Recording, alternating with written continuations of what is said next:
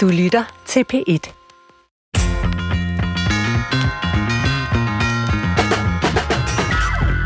Næsten alle mennesker kommer til at have en chef. Nogle af dem kan vi lide, andre bryder vi os ikke så meget om.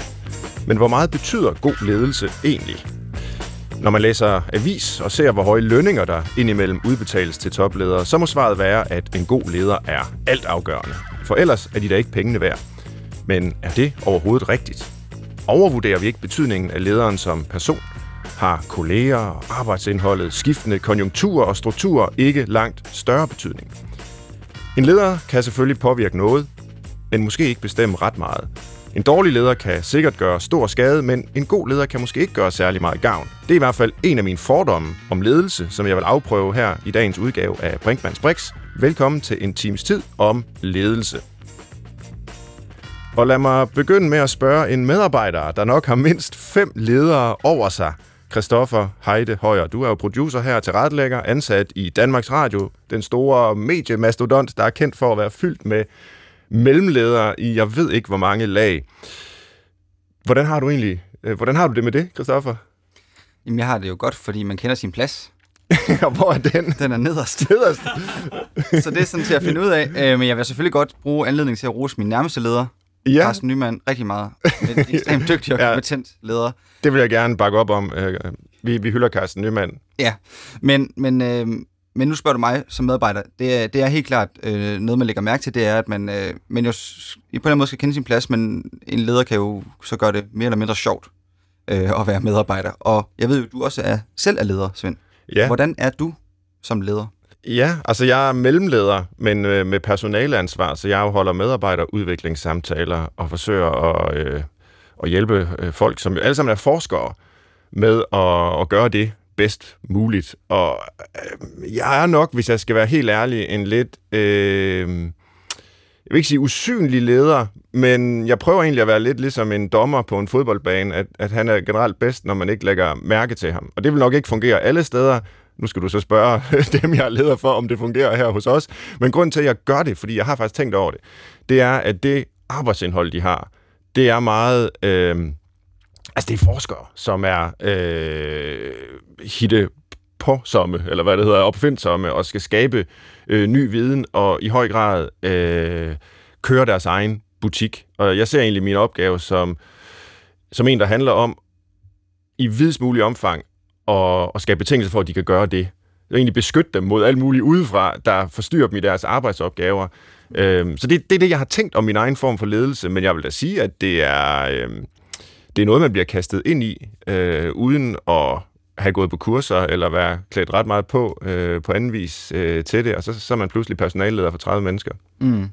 Og hvordan, øh, altså kender du til de, sådan, de psykologiske mekanismer omkring god og dårlig ledelse? Øh, Ja, nu lagde jeg jo lidt friskt ud i min introduktion med at sige, at øh, jeg tror ikke så meget på den gode leder. Øh, jeg tror mere på, at man kan gøre skade. Altså hvis man er, ligesom den gamle udviklingspsykolog Donald Winnicott sagde, at man skal være en good enough mother, eller en good enough parent. Og så ud over det, jamen så kan man egentlig ikke præge børnene øh, særlig meget. Jeg har det lidt på samme måde med ledelse, men det er udelukkende en fordom, der er baseret på mine egne erfaringer. Jeg har mødt masser af ledere, jeg godt kan lide, men jeg er ikke sikker på, at det er dem, der har haft en helt stor betydning for de organisationer, de har været ledere for. Øh, og jeg har så også mødt dårlige ledere, og kan se, at de kan til gengæld gøre stor øh, skade. ja, og så vil lige et sidste spørgsmål for mig, Ja. øh, inden vi introducerer gæster. Går din bullshit-alarm amok, når vi taler øh, ledelse? Ja, men i helt ekstrem høj grad. Øh, altså når jeg ser på kurser, der bliver udbudt i forskellige former for ledelse, øh, litteratur, der bliver udgivet til og om ledere, altså der er jo altid nye blomstrende begreber, som bliver solgt som det seneste saliggørende, og måske eneste saliggørende, som alle skal betale for at få kendskab til osv., og ofte dækker det, efter min bedste vurdering, over noget, vi kender i forvejen. Men det er et marked, som er øh, lukrativt, og hvor der hele tiden er konkurrence om at, at være først med de nyeste bullshit-begreber. Og det, det er jo lidt risikabelt, kan man sige. Ja, og der er altid mange penge på spil. Ja. Det er jo det, lederen altid kan sige. Ja, det er det, ikke? Ja.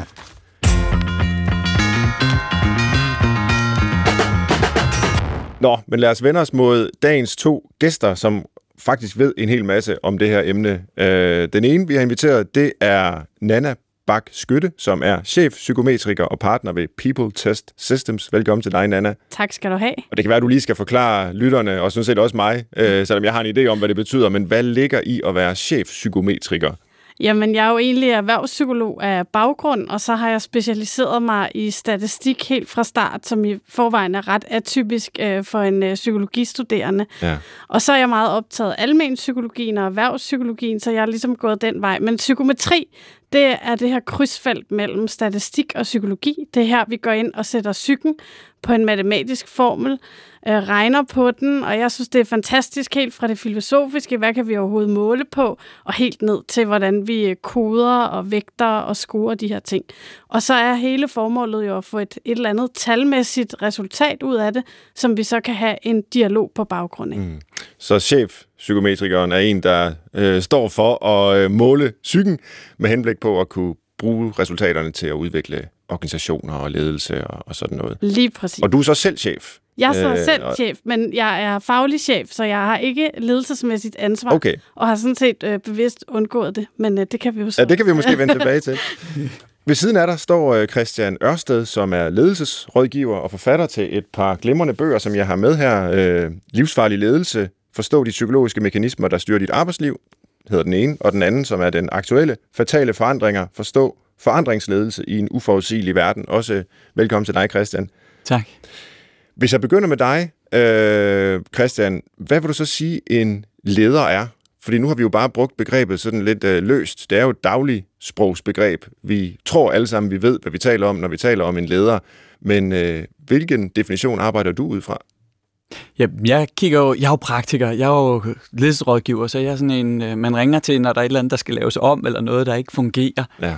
Og derfor oplever jeg også, at, at ledelse bliver brugt om alt muligt, og, og faktisk hver gang der er et eller andet, der ikke fungerer, så kan vi også øh, som regel sætte et øh, navn på en, vi ikke kan lide, og sige, det er ledelsens skyld, eller det er lederens skyld, øh, og, og så bliver det konkret på den måde. Ja. Og jeg tænker ofte, så er det faktisk ikke den enkelte leders skyld. Man kan godt have følelsen af, at ens nærmeste leder spænder ben for alt det, man prøver på at øh, gøre. Men ofte så ser vi ikke den større sammenhæng, som, som tingene er i. At nogle af de måder, vi organiserer os på, gør også, at, at lederrollen bliver rigtig træls også, som Nana sagde, at nogen aktivt fravælger at have personaleansvar, Ja. fordi der følger enormt mange uhensigtsmæssige ting med, som gør, at vi faktisk gør hinanden mindre produktive. Ja. Og det er noget af det, jeg prøver at, at rydde ud i, og, og det gør jeg blandt andet ved at prøve at skifte fokus fra lederen til ledelse. Ledelse, det er noget, vi gør sammen. Ja. Det er en relation. Det er noget med at gøre hinanden bedre og lykkes bedre sammen. Men det kan jo også være at overholde en masse regler og indskrænke andres muligheder for at gøre det, de synes er hensigtsmæssigt i situationen. Mm. Og det er jo det, vi tit ser, når vi så siger lederen. Ja, nu står jeg og tager noter, fordi du er jo ekspert øh, i ledelse og ledelsesrådgiver osv., og nu lyder det lidt som om, at du faktisk støtter mig i min ledelsesstil. Altså det handler ikke om at komme med visioner på alle mulige andre menneskers vegne og sige, nu skal vi alle sammen i den retning.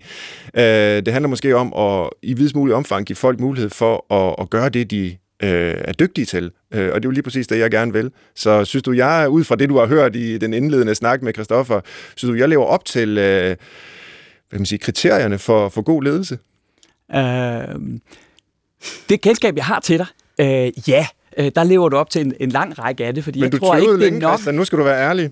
Okay, det er ikke nok at give andre mulighed for at gøre det, de er gode til. Det er jo det her selvledelsesparadigme, som, som jeg hader som pesten, hvor man jo i virkeligheden ikke tager ansvar for noget som helst, men man læner sig tilbage, og hvis der kommer noget godt ud af det, så kan man som leder tage æren for, at man har indført selvledelse, men i virkeligheden har man overladt hele ansvaret og stressen og bøvlet og problemerne til sit personale.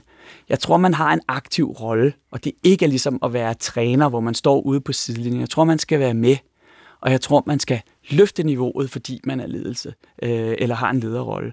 Så det er ikke nok bare at holde op med at spænde ben. Man skal altså også kaste et eller andet ind i det, og det mener jeg jo absolut, du gør. Det var også derfor, at både jeg og Nana har taget turen her til Aalborg for at være sammen med dig i dag, fordi vi har begge to en idé om, at vi kommer til at finde på noget sjovere og bedre, hvis vi ser hinanden, end hvis vi sad på vores kontor på et eller andet øh, webinar eller en fjernforbindelse. Altså, der er et eller andet, der smitter af i den der øh, dialog. Og det tror jeg, du kan, og det er også ledelse. Okay, jamen det er jeg glad for, at du siger. Øh, nu er du så heller ikke øh, ansat Ej, det kunne øh, på, på, på, på Aalborg Universitet med mig som personaleleder. Det, så kan det være, at du vil se anderledes på det. Men, øh, Der kan være delte meninger øh, om det. Det er jo også Ja, det, der er interessant, det er når man gerne. taler med personalet. Det vil være en, en god idé at gøre, før vi vurderer kvaliteten af ledelse. Er der også nogle af dem, der bliver udsat for det, som er glade ja, for det? det er lige præcis. Ja. og dem vil jeg jo ikke uh, tale på vegne af. Men Nana Bakskytte, øh, nu taler Christian Ørsted her jo meget om, at øh, det i høj grad handler om måden øh, ledelse er organiseret på. Øh, det handler om nogle processer og nogle øh, produkter, øh, der nogle ting, der bliver gjort, også i samspil, og ikke så meget om øh, personen. Øhm, hvad ligger der egentlig i den rolle, den person så har? Altså, så vi kan senere i udsendelsen vende tilbage til, om der også er nogle personfaktorer, der gør øh, en forskel, og nogle gange desværre jo også en stor negativ forskel, hvis, mm-hmm. hvis det er en problematisk person. Men selve den her ledelsesrolle, som er muliggjort af alle de her processer i en organisation, hvordan definerer du egentlig den? Det er der, hvor at, øh, at, at ledelse bliver et meget øh, bredt begreb, og det er utrolig svært at sætte præcis ord på, og på mange måder er jeg meget enig med, med hvad Christian Ørsted lige har sagt her, at den måde, vi organiserer os på, har utrolig stor betydning, ikke bare for, hvordan vi kan bedrive ledelse sammen, men også for lederrollen. Altså, hvad er det for nogle opgaver, der skal løses? Øh, det kommer også meget an på, er det faglig ledelse, er det teamledelse, er det topledelse? Det, det er nogle vidt forskellige roller og positioner, som måske er nødvendige at indtage, og det er også nogle forskellige opgaver, der ligger der. Så i virkeligheden, så bliver mit svar sådan et dejligt sådan, øh, ikke-svar, øh, eller både og, eller lidt af det hele, og det kommer an på, øh, fordi det gør det, det kommer virkelig meget an på øh, konteksten. Mm-hmm. Og i virkeligheden, det vender vi nok også lidt tilbage til senere, men det her med at pege nogen ud og sige, du er en dårlig leder, Svend, øh, per definition, på grund af det menneske, du er, eller sådan, det tror, det tror jeg overhovedet ikke på. Altså, det kan okay. man ikke. Man kan ikke pointe nogle specifikke egenskaber ud og sige, det her er definitionen på dårlig ledelse. Fordi i nogle kontekster kan det være nødvendigt at, øh, at have de kvaliteter, og i andre kan det ikke. Og nogle gange skal man også kunne besidde øh, flere øh, for, forskellige og modsatrettede øh, elementer. Og det er jo der, hvor jeg synes, at ledelse bliver en utaknemmelig opgave, for der er så mange krav mm. til ledelse. Og, det, ja. og måske kan vi tage hul på et af de spørgsmål, jeg har glædet mig til at stille, fordi det er noget, som jeg øh, har tænkt rigtig meget over, også nu, hvor jeg selv øh, er leder med personaleansvar. Altså, om der overhovedet findes noget, der hedder ledelse, sådan rent abstrakt, Altså, du er lidt inde på, øh, Nana, at der er så mange faktorer i spil. Man siger, det, der, der gør en god leder i forsvaret, er ikke nødvendigvis det, der gør en god leder, eller skaber god ledelse, hvis vi skal tale om det på den måde, i, øh, i en børnehave, for eksempel. Øh, så hvis det er så mangesidigt, hvad ledelse er, jamen, øh, er ledelse så overhovedet noget i sig selv? Jamen, jeg tror helt klart, at ledelse er noget i sig selv. Ledelse er på en disciplin, øh, lige så meget som alt muligt andet. Men altså, man kan sige, og hvad er det så, der er ledelse? Det, det er der utrolig mange bud på, men der er måske et eller andet med det her med, det handler om at kunne motivere nogen til at gøre noget. Det handler om et, et ansvar, man har. Nogle gange også en magt, men, men der er noget ansvar og noget motivation, der ligger i den rolle, som også ligger hos forældrene, som også ligger hos øh, idrætsunderviseren, øh, og som også ligger i, i topledelsen. Mm. Men, men for at være en god leder, så kræver det måske, at du øh, tilpasser dig den kontekst, du leder i. Og der er nogle topledere, som måske har en evne til at gå fra den ene branche til den anden, og rent faktisk lykkes med at skifte konteksten og stadig være øh, rigtig dygtige topledere. Der er også nogen, der ikke gør. Mm. Øhm, og det er jo det der med, at vi, skal, vi har brug for nogle forskellige ting i nogle forskellige kontekster, og det er der, vi finder den gode ledelse. Men, øh, men der er noget, der hedder ledelse, vil jeg sige. Okay, jeg tror, min egen reservation handler også om, at øh, jeg vil have svært ved at synes, at lederen var legitim som min ledelsesfigur, hvis vedkommende ikke anede noget som helst om, for eksempel hvad forskning er. Øh, altså det ved min leder jo godt noget om, fordi de er inden for universitetssystemet, og derfor synes jeg, de er legitime og dygtige og alt det der. Men, men, men der er så mange andre brancher, hvor man så får en leder ind, som overhovedet ikke har arbejdet med hvad ved jeg, bankdrift, eller den, øh, hvad hedder det, vindmøller, eller øh, medicinalvirksomheder, eller noget som helst, men kun har været leder. Og jeg kan, ikke for, jeg kan ikke forstå, at man som øh, ansat i sådan en virksomhed øh, kan synes, det er en legitimt at have en leder, der ikke ved noget om indholdet af det, man arbejder med. Altså, det kommer det, det er jo også, det er jo, altså forskning er jo også en, en disciplin for sig selv, og det er jo meget fagtungt, og der, der, kan det, der kan noget af den ledelse der handle om, at man også kan spare på et vist niveau, øh, rent intellektuelt og forskningsmæssigt, øhm, og det, så, så der vil jeg helt sikkert også sige, inden for, for det felt, der er det måske også et særligt krav.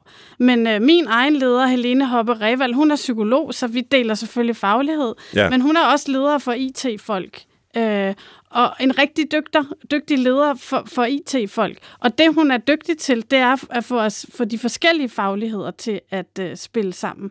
Så der er jo også det her med, at øh, hvis vi kun hele tiden holder os inden for vores eget øh, specialistområde, eller sådan, så går vi også glip af nogle synergier på tværs af fagligheder måske mm. i forhold til det. Hvordan ser du på det her, Christian Ørsted? Er der, ud fra din erfaring, hvor du øh, skriver bøger til ledere og rejser rundt og øh, hjælper dem til at blive dygtigere, er der noget, der hedder ledelse på tværs af alle de forskellige områder, der kan foregå ledelse i? Er det en synes, særlig det... færdighed eller faglighed? Jeg synes, det bliver for teoretisk, hvis vi slet ikke kan tale om, om øh, ledelse, bare fordi det er mange ting. Ja. Øh, for så kan vi heller ikke tale om, at der er en øh, medarbejder, for det er altså også mange forskellige ting at være, være medarbejder. Ja. God pointe. Og, og jeg tror, det der er sådan sige, den afgørende forskel i dag fra tidligere, og der hvor meget ledelseslitteraturen kommer fra, det er, at i dag der er de krav, vi møder, de er modstridende og komplekse, de forandrer sig. Der er mange forskellige mennesker, der skal være glade, før vi kan føle, at vi har gjort vores arbejde godt, fordi der er mange, der har taleret om det, vi gør. Altså, bare se sådan et område som kundeservice. Hvad en kunde har af magt i dag, hvis de sender en klage ind til en virksomhed, det er en helt anden magt, end de havde for 10 år siden. Mm. En skilteafdeling i en stor virksomhed. I dag kan alle komme og bede om skilt, der peger hen imod, hvordan man kommer rigtigt igennem hospitalet, og være sure over, at de ikke får det skilt ned til deres afdeling, som de gerne vil have. Det vil sige, at der er et hav af diskussioner om alle de beslutninger, vi træffer. Og det er jo ledelse at afveje de her ting. Og derfor så vil jeg også sige, hvis vi kigger på, hvem er måske øh, den leder i Danmark, som har gjort det bedst i de seneste 10 år, det er måske ham med vindmøllerne, som du måske talte lidt om, som intet vidste om vindmøller, før mm. han startede i Dong, nu Ørsted, og lavede den mest succesfulde transformation, vi nogensinde har oplevet. Altså hvor man tager alt det, man tjener penge på, olie og gas, sælger det fra, starter et helt nyt område op med vindmøller, og bliver en af verdens førende inden for det er udvalgt af Harvard Business Review som en af de 20 transformationer i, i verden, der er gået bedst de seneste 10 år, på tværs af alt, og alle andre i den undersøgelse, det er digitale virksomheder. Nu har jeg selv været med i, i den transformation og arbejdet derude, så er jeg også farvet, men jeg synes, det har været dybt inspirerende at opleve den ydmyghed, Henrik Poulsen har haft for, at han ikke ved alt om vindmøller.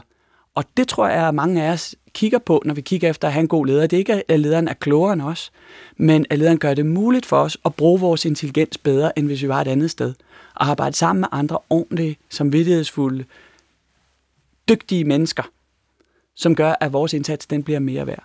Men øh, din bøger, Christian, handler jo om fatale forandringer og livsfarlig ledelse. Altså det er jo ikke ligefrem øh, succeserne inden for ledelse, øh, der, der står på forsiden der. Altså hvis du skulle pege på, hvad de centrale problemer er for ledelse i Danmark i dag, hvad vil det så være?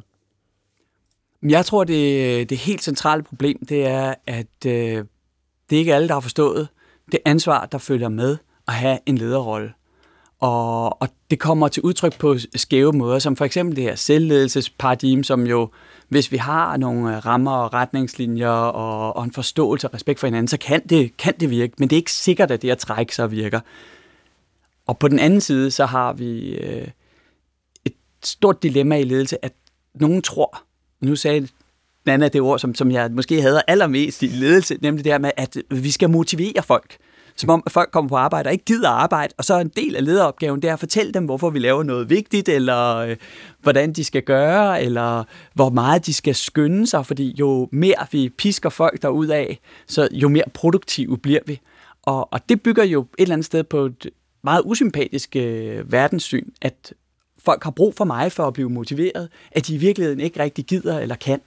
Og også, at vi skal gøre de samme ting, og helst marchere i takt. Der er det der ordsprog, som man hører på mange ledelseskurser, når de starter, og det handler om, at hvis vi roer i den samme retning, så roer vi hurtigere.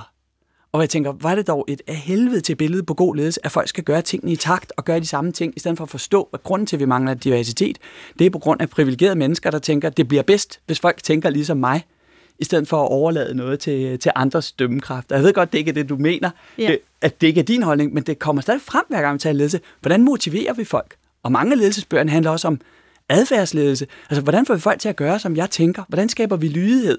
Og den form for ledelse har jo mere til fælles med hundetræning og, og slankekur, mm. end at få forskere til at tænke nye tanker, eller få folk til at bygge vindmølleparker, der ikke eksisterede. Der kan man jo ikke bare bede folk om at spæne hurtigt og, og ro i samme retning. Der vil faktisk gerne have, at der er nogen, der er uenige med hinanden. Men hvad nu, hvis jeg så siger, at det, det kan da godt være, at det er et usympatisk verdensbillede eller et usympatisk menneskesyn, men det er jo ikke desto mindre sådan, vi mennesker fungerer. Altså, at nogle mennesker skal motiveres. Nu spiller jeg jo lidt djævelens advokat. Øh, men, men, men kunne der ikke være noget om det? Altså, at ledelse faktisk også handler om at få folk til, og jeg gør lige ting, du uh, ironiserer lidt over, altså ro i samme tak. En gang imellem, så skal man jo den samme vej, ikke? Øh, jamen, spørgsmålet er, om vi kommer den samme vej hen, eller det, det rigtige sted hen, ved at folk gør de samme ting, og mm. gør dem i takt, eller om vi faktisk kan få noget ud af, at der er nogle forskelle, og nogle personlige præg, og nogle forskellige fagligheder, der kommer i spil, hvis det er dem, vi inviterer ind. Og, ja. og måske skal jeg lige sige, at når jeg siger, øh, at det handler om at motivere, så er det ikke med det udgangspunkt, at folk går på job øh, og er dybt uengageret og umotiveret og absolut ikke gider det langt de fleste mennesker øh, går jo på job med et ønske om at gøre det rigtig godt, og gør det også rigtig godt, hvis de får de rette betingelser. Så i virkeligheden vil det måske være mere præcist at kalde det skabe rum for motivation, for motivationen, den er der. Ellers havde man jo forhåbentlig ikke søgt det job, som man har fået. Men, men hvis ikke betingelserne for, for motivationen er der. Og der kan man sige, der handler det jo også meget om, hvem er vi som mennesker? Hvad, hvad er det for nogle personligheder, vi hver især går ind i det her rum med, fordi det er ret forskelligt, hvordan man skal motivere mig, i forhold til, hvordan man skal motivere dig, Christian, og måske også dig, Svend. Vi er forskellige mennesker, vi bliver motiveret af forskellige ting, vi bliver også udfordret af forskellige ting, og derfor er hele pointen, som du også kommer med her, Christian Ørsted, at vi har brug for diversitet. Vi har ikke brug for, at folk sidder og går samme retning og sådan noget. Det er jeg fuldstændig, fuldstændig enig med dig i. Lad os så prøve også at se på de knap så gode eksempler på øh, ledere. Og øh, Nana, i People Test Systems, øh, din, den virksomhed, du arbejder i, øh, der har I lavet en rapport, som jeg har læst noget af, hvor I havde undersøgt tusindvis af ledere og medarbejdere syn på lederrollen. Og jeg vil gerne lige læse lidt op fra introduktionen til ja. rapporten. Det ja. kommer her. Af den rapport, du skal til at læse, fremgår det, at jo højere du er i ledelseshierarkiet, jo mere udtalt er de mørke sider af din personlighed. Dacher Keltner er en af verdens førende forskere i socialpsykologi, og han har skrevet bogen The Power Paradox. Hans centrale pointe er paradokset i, at man bliver tildelt magt ved at arbejde for det fælles bedste, men i takt med, at man får mere og mere magt, bliver man mere fokuseret på sig selv. Magt ændrer simpelthen din hjerne, så du bliver mindre empatisk, mere selvcentreret og mere umoralsk. Det er jo hård læsning, sådan set. Det er det. Fordi det står som en næsten sådan jernhård nødvendighed, at øh, med mere magt, jamen så bliver du et dårligere menneske. Øh, så jo, altså, jo, jo mere leder du er, jo længere tid du er det, øh, desto øh, mere umoralsk bliver du. Jeg har lyst til bare sådan helt at sige, jamen altså, hvis det er sandt, hvad skal vi så gøre? Hvad altså, det, så det, gøre? det er jo egentlig et ret... Det er jo, øh, øh, det er jo øh, Dacher Keltner her, som du refererer til. Altså, det er jo det, der er magtens paradoks, ikke? Ja. At vi netop giver magt til dem, som, vi, øh, som, som ligesom arbejder for det bedste, og, og når vi så får magten, og måske er det også lidt det her med, hvorfor er det, at vi oplever, at der er nogen ledere, der nærmest sådan aktivt spænder ben, som du også var inde på, for, øh, for deres medarbejdere. Det, det er måske fordi, at magt i sig selv gør noget ved os, og det taler jo ind i, i sådan en meget klassisk psykologisk debat om arv og miljø, og hvad, hvad er det egentlig, der sker. Men, men der er masser af studier, ikke, ikke lige vores undersøgelser, men masser af studier, som viser det her med, at magten, den ændrer faktisk adfærd. Mm. Øh, der er eksperimenter, der viser, at man tager mere slik fra børn, øh, hvis man bliver øh, framet øh, til, at man har magt. Øh, Under kan man ikke være. Så det, der, der er lavet masser af eksperimentelle studier også på det her, der viser, at det, at man sætter folk i en magtposition, gør, at man handler sådan mere til egen, egen fordel, kan man sige. Ja. Men, men man også, man, selvfølgelig kan man sige, umoralsk adfærd og, etisk, socialt tvivlsom adfærd er måske næppe godt, men, men i det ledelsesideal, som i hvert fald har været i, og måske stadig også er, der ligger også et eller andet i. Nogle gange, at dem, der kommer frem i verden, det er altså også dem, der fokuserer meget på sig selv. Dem, og, og særligt dem, hvor, hvor deres egne behov så er alignet med virksomhedens. Mm. Det er dem, der kommer frem i verden. Og det er også noget af det, vi belønner i dag ude i organisationerne. Kan du skabe resultater? Er du, har du noget drive? Har du noget motivation? Så er det dig, der bliver sat på posten som leder. Og det kan være, det behøver ikke at være dårligt. Man kan sagtens også have nogle af de her mørke personlighedstræk uden at være et ondt menneske.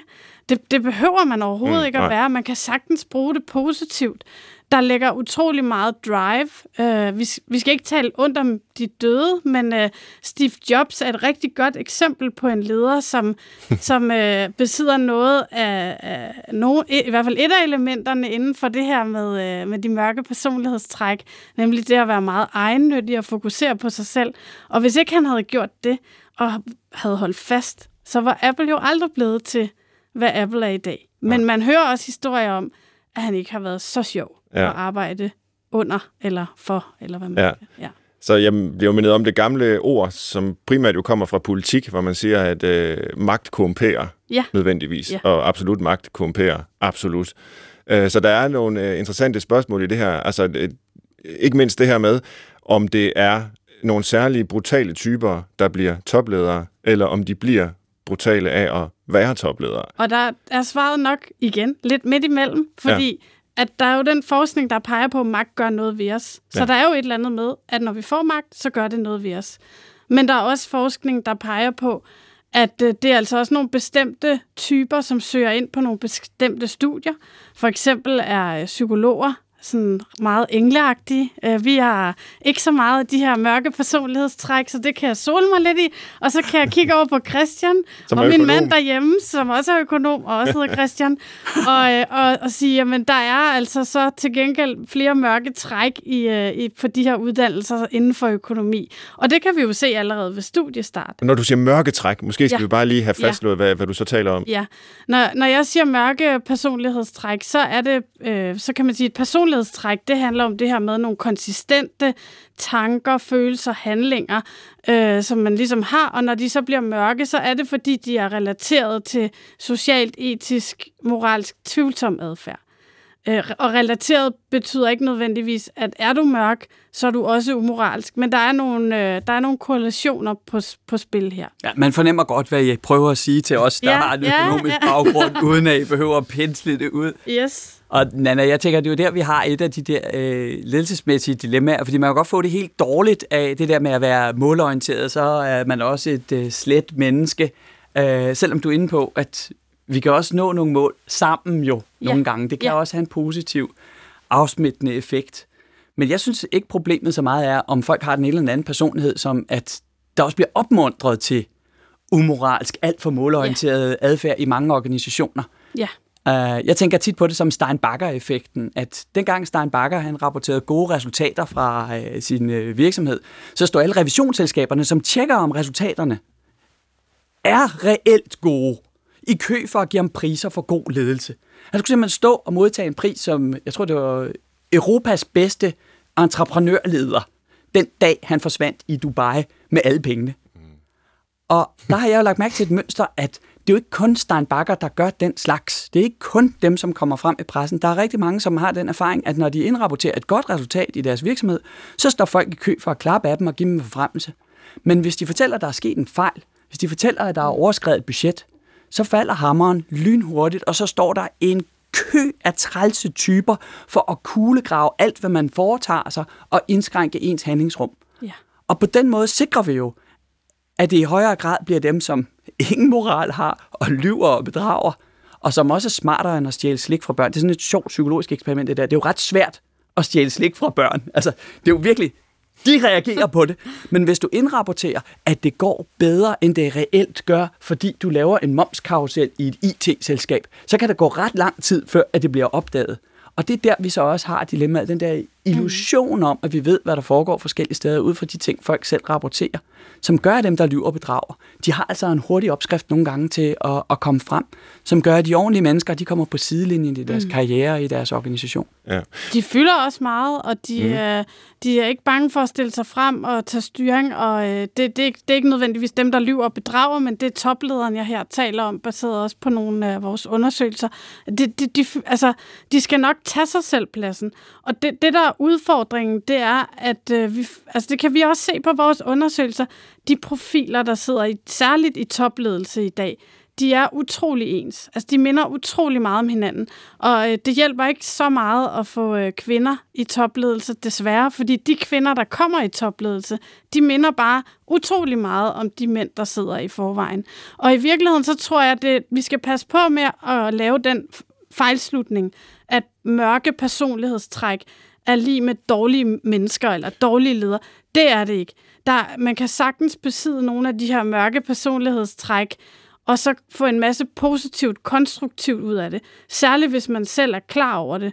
Og man, øh... Men er det så overhovedet et problem? Altså man kunne jo også tage den kyniske hat på og ja. sige, jamen øh, forretning, det handler om at skabe øh, værdi øh, til aktionærerne, hvis det er et aktieselskab, og det er en hård øh, konkurrence. Det er, øh, de svage må dø, og de øh, stærke, de bliver rigere. Øh, og, og dem, vi faktisk skal have som topledere, det er dem, der er dygtige til at stjæle slik fra børn. Altså ja. hvis man skærer det ja, helt ja, ind til benet, fordi det, det, det handler om at vinde her. Og altså, selvfølgelig er der lovens rammer, der sætter nogle begrænsninger, men inden for det, og der må man jo i øvrigt ikke stjæle slik fra børn, men, men, men inden for lovens rammer, jamen, så skal den bare have fuld skrue, fordi det er en knivskarp konkurrence. Og så er det de brutale typer, vi, vi skal have. Det er ja, måske dem, der og man er kan også sige, vi har også, vi er også igennem nu en tid, hvor at, øh, det vi kigger på er tre ting. Det er egennyttighed, det er det at være kynisk, og det at være selvretfærdig i rapporten. Og, og kynisk, det, det er man måske også nødt til at have en eller anden portion af for at bedrive ledelse. Det betyder så ikke nødvendigvis, at alle lederne på topledelsesgangen behøver at være sindssygt kyniske, men der skal jo nogle gange træffes nogle kyniske beslutninger. Der skal afskedes mennesker. Der skal afskedes mennesker, hvis ikke virksomheden skal bukke under. I virkeligheden er det så overhovedet kynisk, fordi i et større perspektiv, så er det jo for at sikre det bedste for de fleste, og sådan, men det er jo en helt anden diskussion. Men, men der er jo også i ledelsen nogle gange behov for, at man måske træffer nogle kyniske beslutninger. Der, hvor det bliver et problem, det er jo, at øh, man mister medarbejderne. Nogle gange ser vi et ret stort gap mellem særligt topledelsen og medarbejderne. Og medarbejderne er jo trods alt ryggraden i virksomheden. Det er jo dem, der, der bedriver øh, det, som en hver organisation nu laver, det er medarbejderne.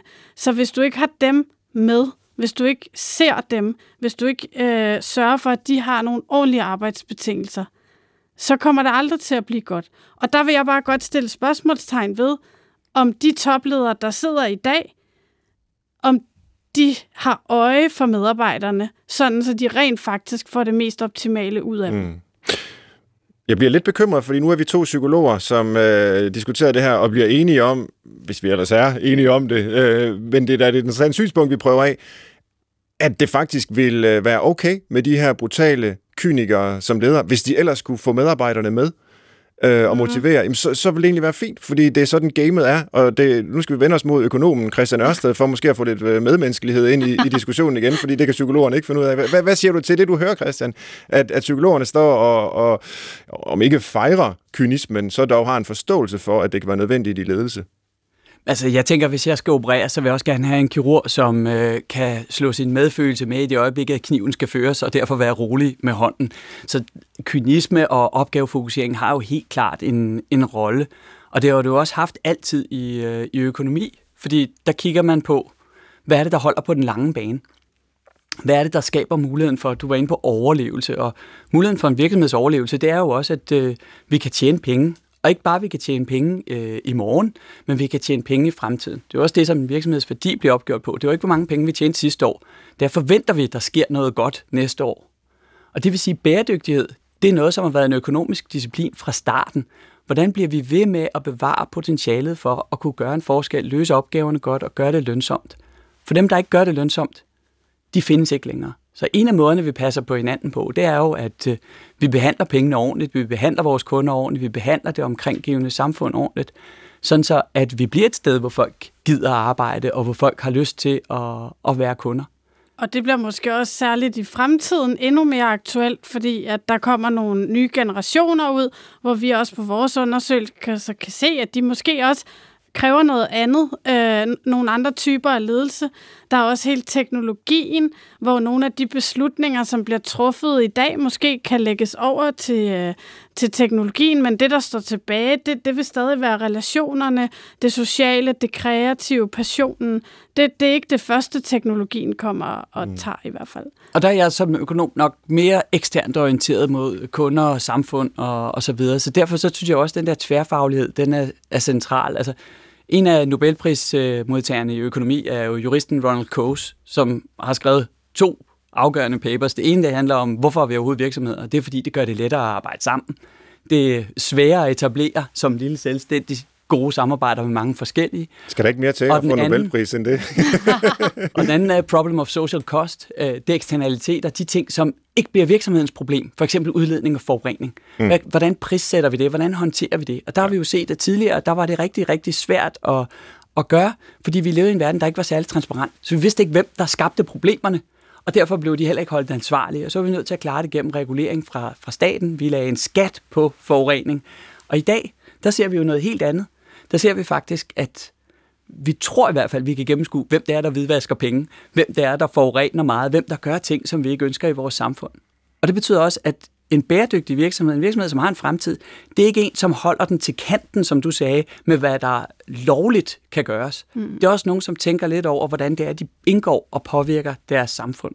Og nu er vi lidt tilbage på øh, det løsningsorienterede spor, og i gang med at finde ud af, øh, mm. hvordan får vi egentlig bedre øh, ledere og bedre ledelse. Og hvis jeg nu stiller spørgsmålet helt åbent til jer, hvad vil I så svare? Altså, hvad skal vi gøre i, i Danmark her i, i dag for at få bedre ledere? Skal vi have særlige øh, uddannelsespakker, øh, de skal igennem? Nogle særlige eksamener, de skal bestå for at være gode og ordentlige mennesker? Eller hvordan sikrer vi bedst mulige gode ledere? Nana Bakskytte? Altså, i forhold til det der med uddannelse, så, så som du også selv startede med at sige, så findes der rigtig meget, øh, med, med også meget svingende kvalitet. Øhm, og man kan sige, det, på den måde ved jeg ikke, om det er den rigtige vej at gå. Omvendt så er der også noget helt vildt paradoxalt i, at du kan uddanne dig til, til alt mulige retninger. Det kræver høje, lange, videregående uddannelser at blive alt muligt. Men at være leder, hvor du har en direkte indflydelse på andre menneskers liv hver dag, det, det kan du bare gå ind og blive fra gaden med. Altså mm. det kræver ingenting. Der er ingen forudsætninger for det. Øh, samtidig så tror jeg også rigtig meget på ledelse af et håndværk det betyder også, at du er nødt til at gå ud og prøve at gøre det. Øh, der er noget mesterlærer, der er noget trial and error måske også. Og der kan man jo så sige, at det, det er måske ikke altid så sjovt for de der medarbejdere, der så skal være forsøgskaninerne. Øh, så der er jo også der er jo nogle ting der. Men det er bare for at sige, at jeg er ikke sikker på, at, at uddannelse nødvendigvis er den rigtige vej. Men noget af det, vores undersøgelser peger på i hvert fald, som et problem i ledelse, det er, at det er meget den samme type, især på topledelsesniveau, der sidder der. Det er den samme type personprofil, som er på topledelsesniveau. Jeg skal lige disclaime, at jeg taler ud fra statistik og generaliserer. Jeg sætter også tingene lidt på spidsen. Der er selvfølgelig lige så store forskelle inden for topledelse, som der er imellem topledelse og, og de ansatte. Men, men der er nogle markante tendenser her. Og det, det, jeg tror, vi skal passe på med, det er, at vi skal ikke, vi skal ikke skylle babyen ud med badevandet. Vi skal ikke bare tage og fyre alle de topledere, der er i øh, Danmark i dag, selvom det tit er det, jeg går ud og siger i topledernetværkene, siger, det ud med jer, ind med nogle andre. Mm. Øh, det er ikke helt rigtigt. Ud med halvdelen, og ind med nogle nye, der kan supplere dem. Mm. Fordi vi skal have diversitet. Vi, vi ved fra årlang forskning, at high performance teams, det består af forskellige teamroller, forskellige personligheder, også forskellige fagligheder. Og det har vi ikke i dag. Og det er jo derfor, det er et problem. Så vi skal have rekrutteret nogen, når vi rekrutterer nye ledere, så skal vi tænke på at få nogen ind, som kan noget andet end dem, der sidder i forvejen. Ja. Så du plæderer for diversitet, snarere ja. end måske sådan nogle uh, uddannelsesprogrammer og certificeringer, et eller andet, man skal igennem en, en tredje vej at gå. Det kunne jo være, jeg har en, en god bekendt, som øh, selv er topleder, han er direktør for Nationalmuseet, hedder Rane Villerslev, som også er en, en øh, ven af programmet her, som jo har studeret jæger samlere i uh, Sibirien og Centralafrika og alt muligt, og har en ledelsesfilosofi, der handler om, at vi skal afskaffe ledelse øh, fordi øh, vi, vi ligesom er bygget til øh, af Rane Villerslevs øh, udgangspunkt og fungerer i sådan løst distribuerede netværksstrukturer, hvor ledelse måske opstår lidt spontant ud fra, hvem der kan et eller andet øh, lige nu og her i forhold til, hvad vi gerne vil opnå sammen, men så i næste time eller næste uge eller øh, noget, så er det måske en anden, der får den rolle.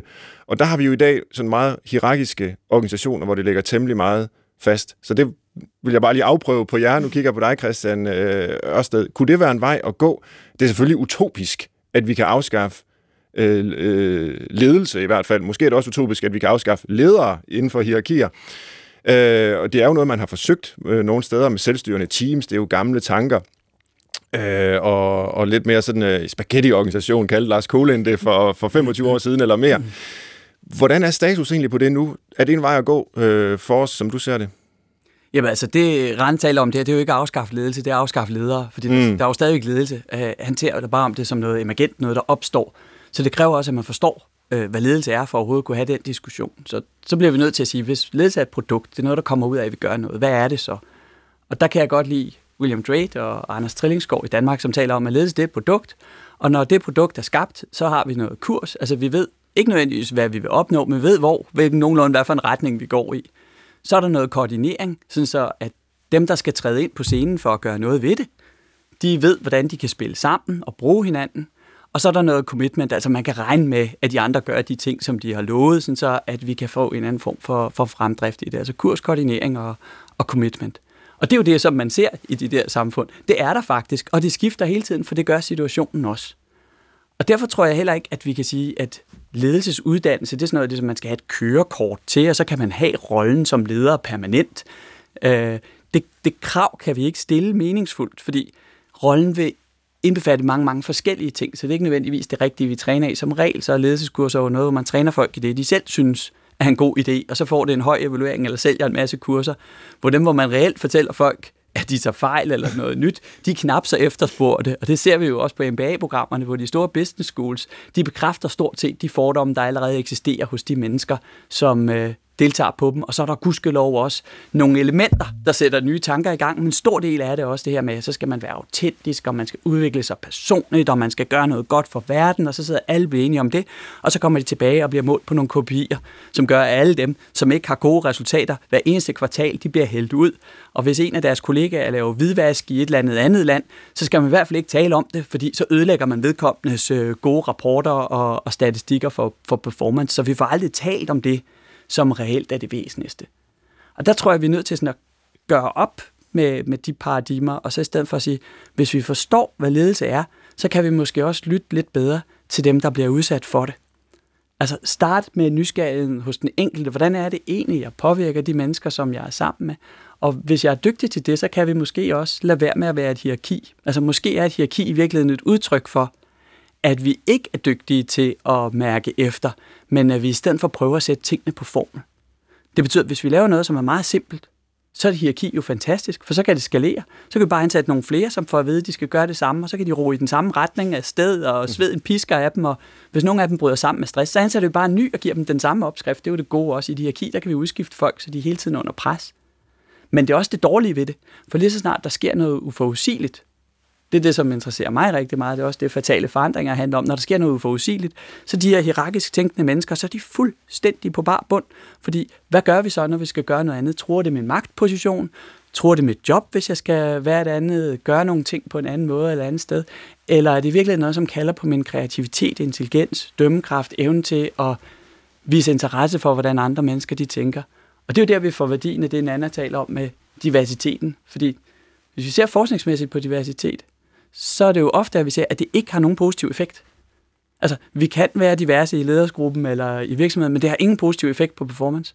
Og grund til, at det nogle gange ikke har positiv effekt, det er fordi, der ikke er psykologisk tryghed til, at vi får hørt dem, der tænker anderledes. Så de er nødt til at være konforme, de er nødt til at give de andre ret, de er nødt til at ro i samme retning. Det vil sige, at vi får intet ud af, at de har nogle andre betragtninger om de opgaver. Og så er det også nogle gange, fordi man måler jo diversitet, når vi taler om det, så er det jo typisk noget med køn og alder og nationalitet, og det er super vigtigt. Det, det vil jeg endelig ikke citeres for at sige, at det ikke er. Men, men der, hvor diversitet for mig opstår, det er i, hvem vi er som mennesker. Og hvis man bare sidder og får nogle mennesker ind, som ligner hinanden øh, på deres personprofil, så kan det godt være, at den ene er en kvinde, og den anden er en mand. Men hvis det alligevel er den samme type, så vil jeg gerne stille spørgsmålstegn ved, om vi egentlig har skabt diversitet. Du lytter til Brinkmanns Brix, hvor vi i dag taler om ledelse og om ledere, både de gode og de dårlige. Gæsterne er Nana Bak Skytte, chefpsykometriker og partner ved People Test Systems, og Christian Ørsted, som er ledelsesrådgiver og forfatter til blandt andet livsfarlig ledelse og fortale forandringer. Christoffer Heide Højer, du er tilrettelægger på programmet her, og har tænkt dig at udfordre vores gæster som den sultne, kritiske journalist, du jo er. Ja, øhm, nej, men det, jeg har faktisk tænkt mig at spørge om noget, øh, altså det her med, vi kender alle sammen det dumme svin. øh, den person, som hvis vedkommende ikke var der, så var mit liv meget, meget bedre. Det kan være, jeg har selv været pædagogmedhjælper med trælse øh, mellemledere der, hvis vi skal kalde det det. Jeg har været alle mulige steder, hvor man, man en gang imellem støder man på det her, den her person, øh, måske nogle strukturer, øh, som gør, at man bare tænker, næste dag på arbejde bliver endnu en lort, jeg skal æde.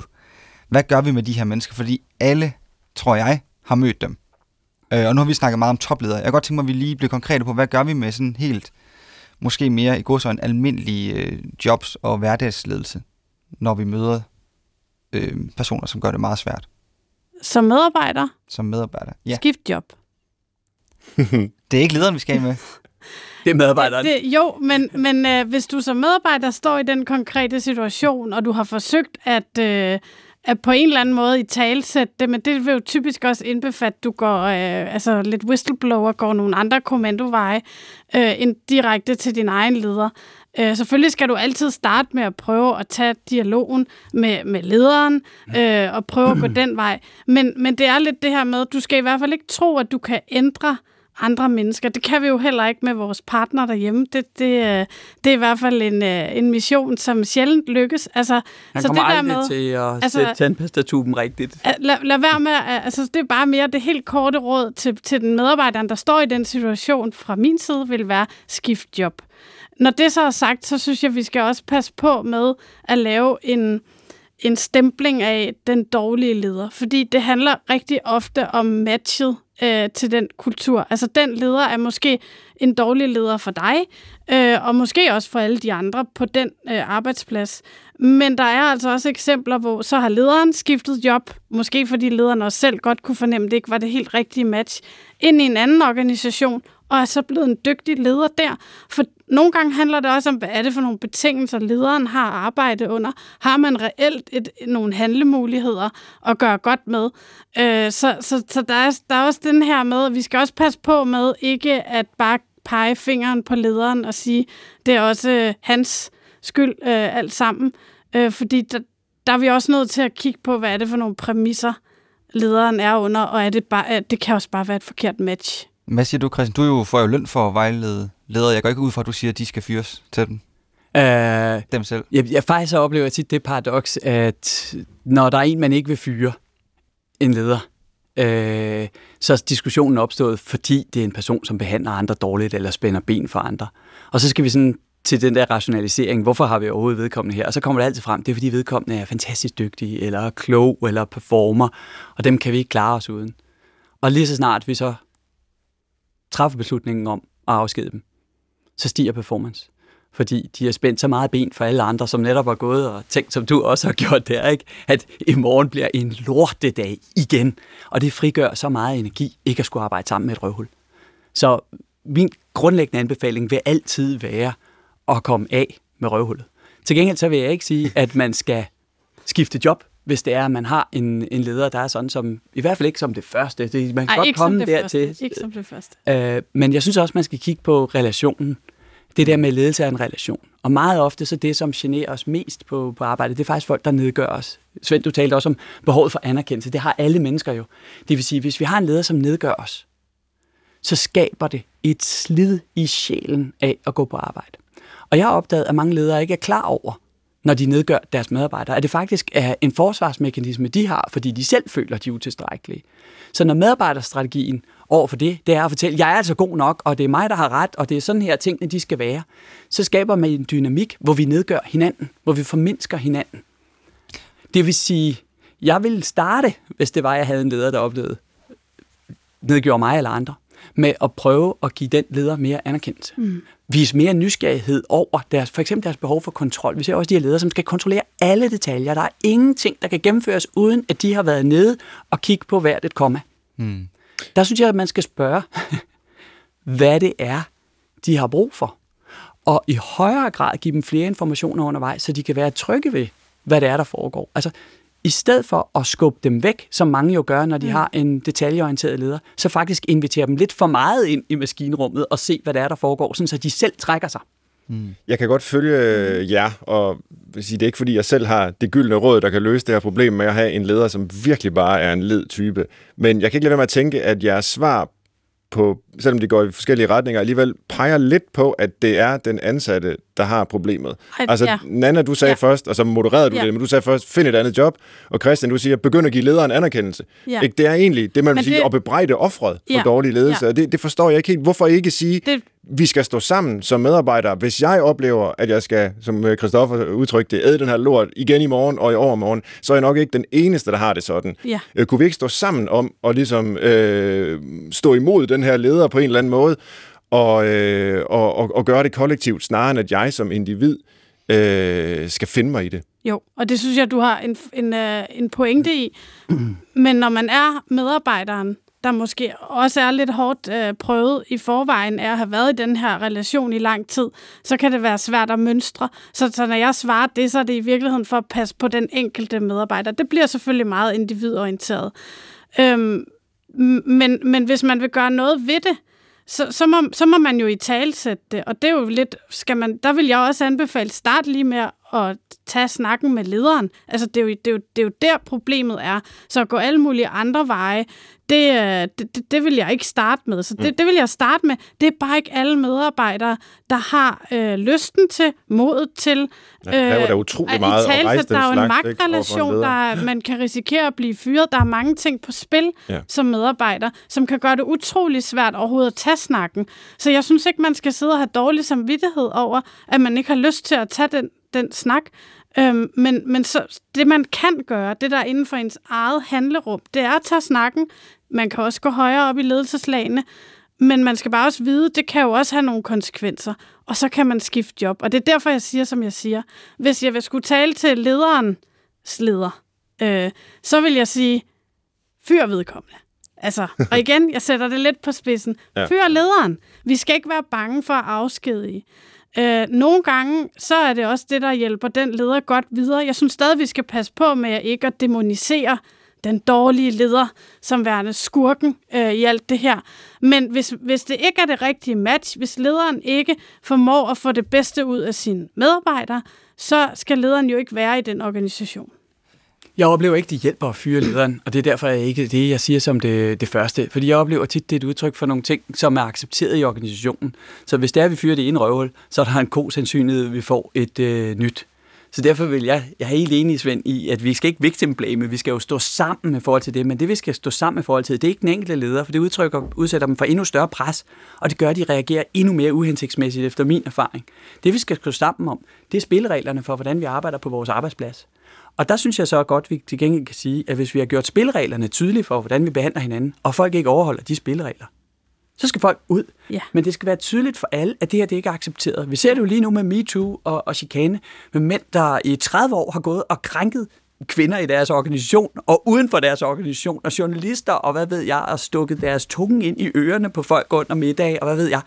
Og jeg tænker, hvor er det vildt, at der ikke har været nogen i organisationen, som har sagt, det er altså ikke i orden, du stikker tungen ind i ørerne på fremmede mennesker, øh, som sidder to lag nede i hierarkiet i forhold til dig selv. Altså, jeg vil da håbe, at hvis jeg gjorde noget så åndssvagt, at der var minimum en person, der gjorde mig opmærksom på, at det ikke er i orden her. Øh, og det ser ud til, at i nogle organisationer, der har man ikke den samtale. Der er simpelthen et tabu. Hvis det er en leder, så siger vi det ikke til ham, og det er jo ofte en ham, som så overskrider alle rimelige regler og grænser for øh, god adfærd.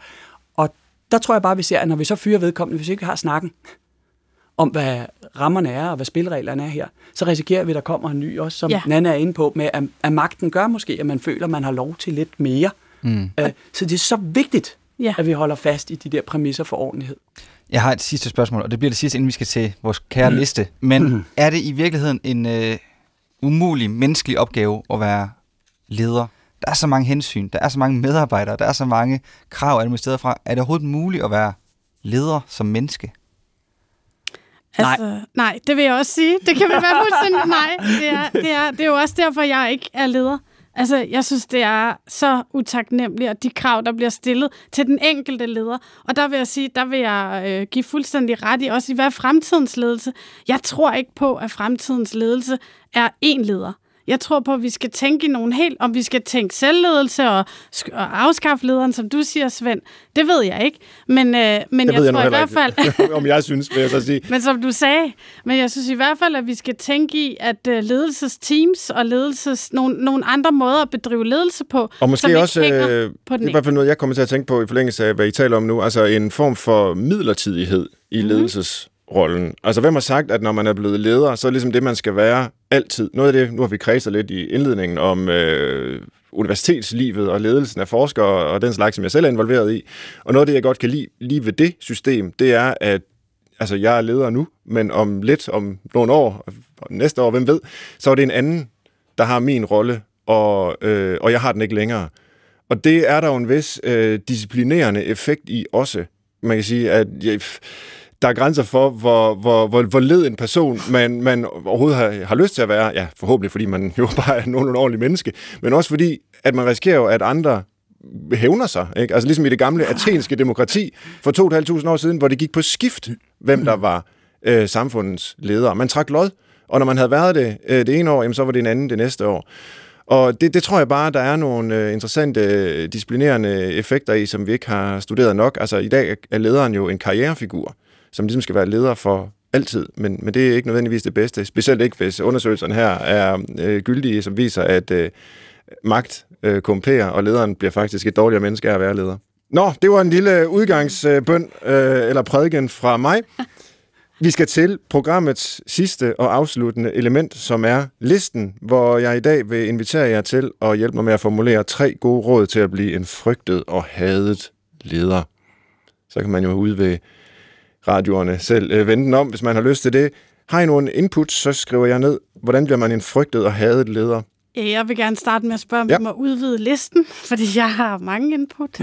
men Jamen, øh, men de, in, de input, jeg har, er jo baseret på vores undersøgelser og teori, og det første, det, det baserer sig på de her mørke personlighedstræk. Så jeg vil sige, du skal have udelukkende fokus på dig selv. Ja. Og så skal du være bedøvende ligeglad med andre også samtidig. Fokusere på dig selv. Ja, og så skal du retfærdiggøre din uhensigtsmæssige adfærd altid. Ja. Og det baserer også på vores undersøgelser af de her mørke personlighedstræk. Ja, jeg tænker, at det, det er meget vigtigt at være uforudsigelig. Folk skal aldrig vide, hvornår øh, hammeren falder, og det skal gerne være for nogle lemfældige ting, så man ikke kan føle sig sikker på noget som helst øh, tidspunkt. Øh, og så er jeg selvfølgelig enig med Nana i, at man skal være optaget af sig selv, så det skal være ud fra ens egne personlige præferencer. Det skal ikke have noget at gøre med fællesskabet. Glimrende. Ja. Jeg har også øh, den der med ændre mening lige så tit, som vind, vinden blæser. Ja. Lad der styre 100% af dagsformen og dit humør. Benægt, benægt, benægt oveni. Ikke? Lyv, så vandet driver og vær altid uærlig. Yes. Tak til jer begge to.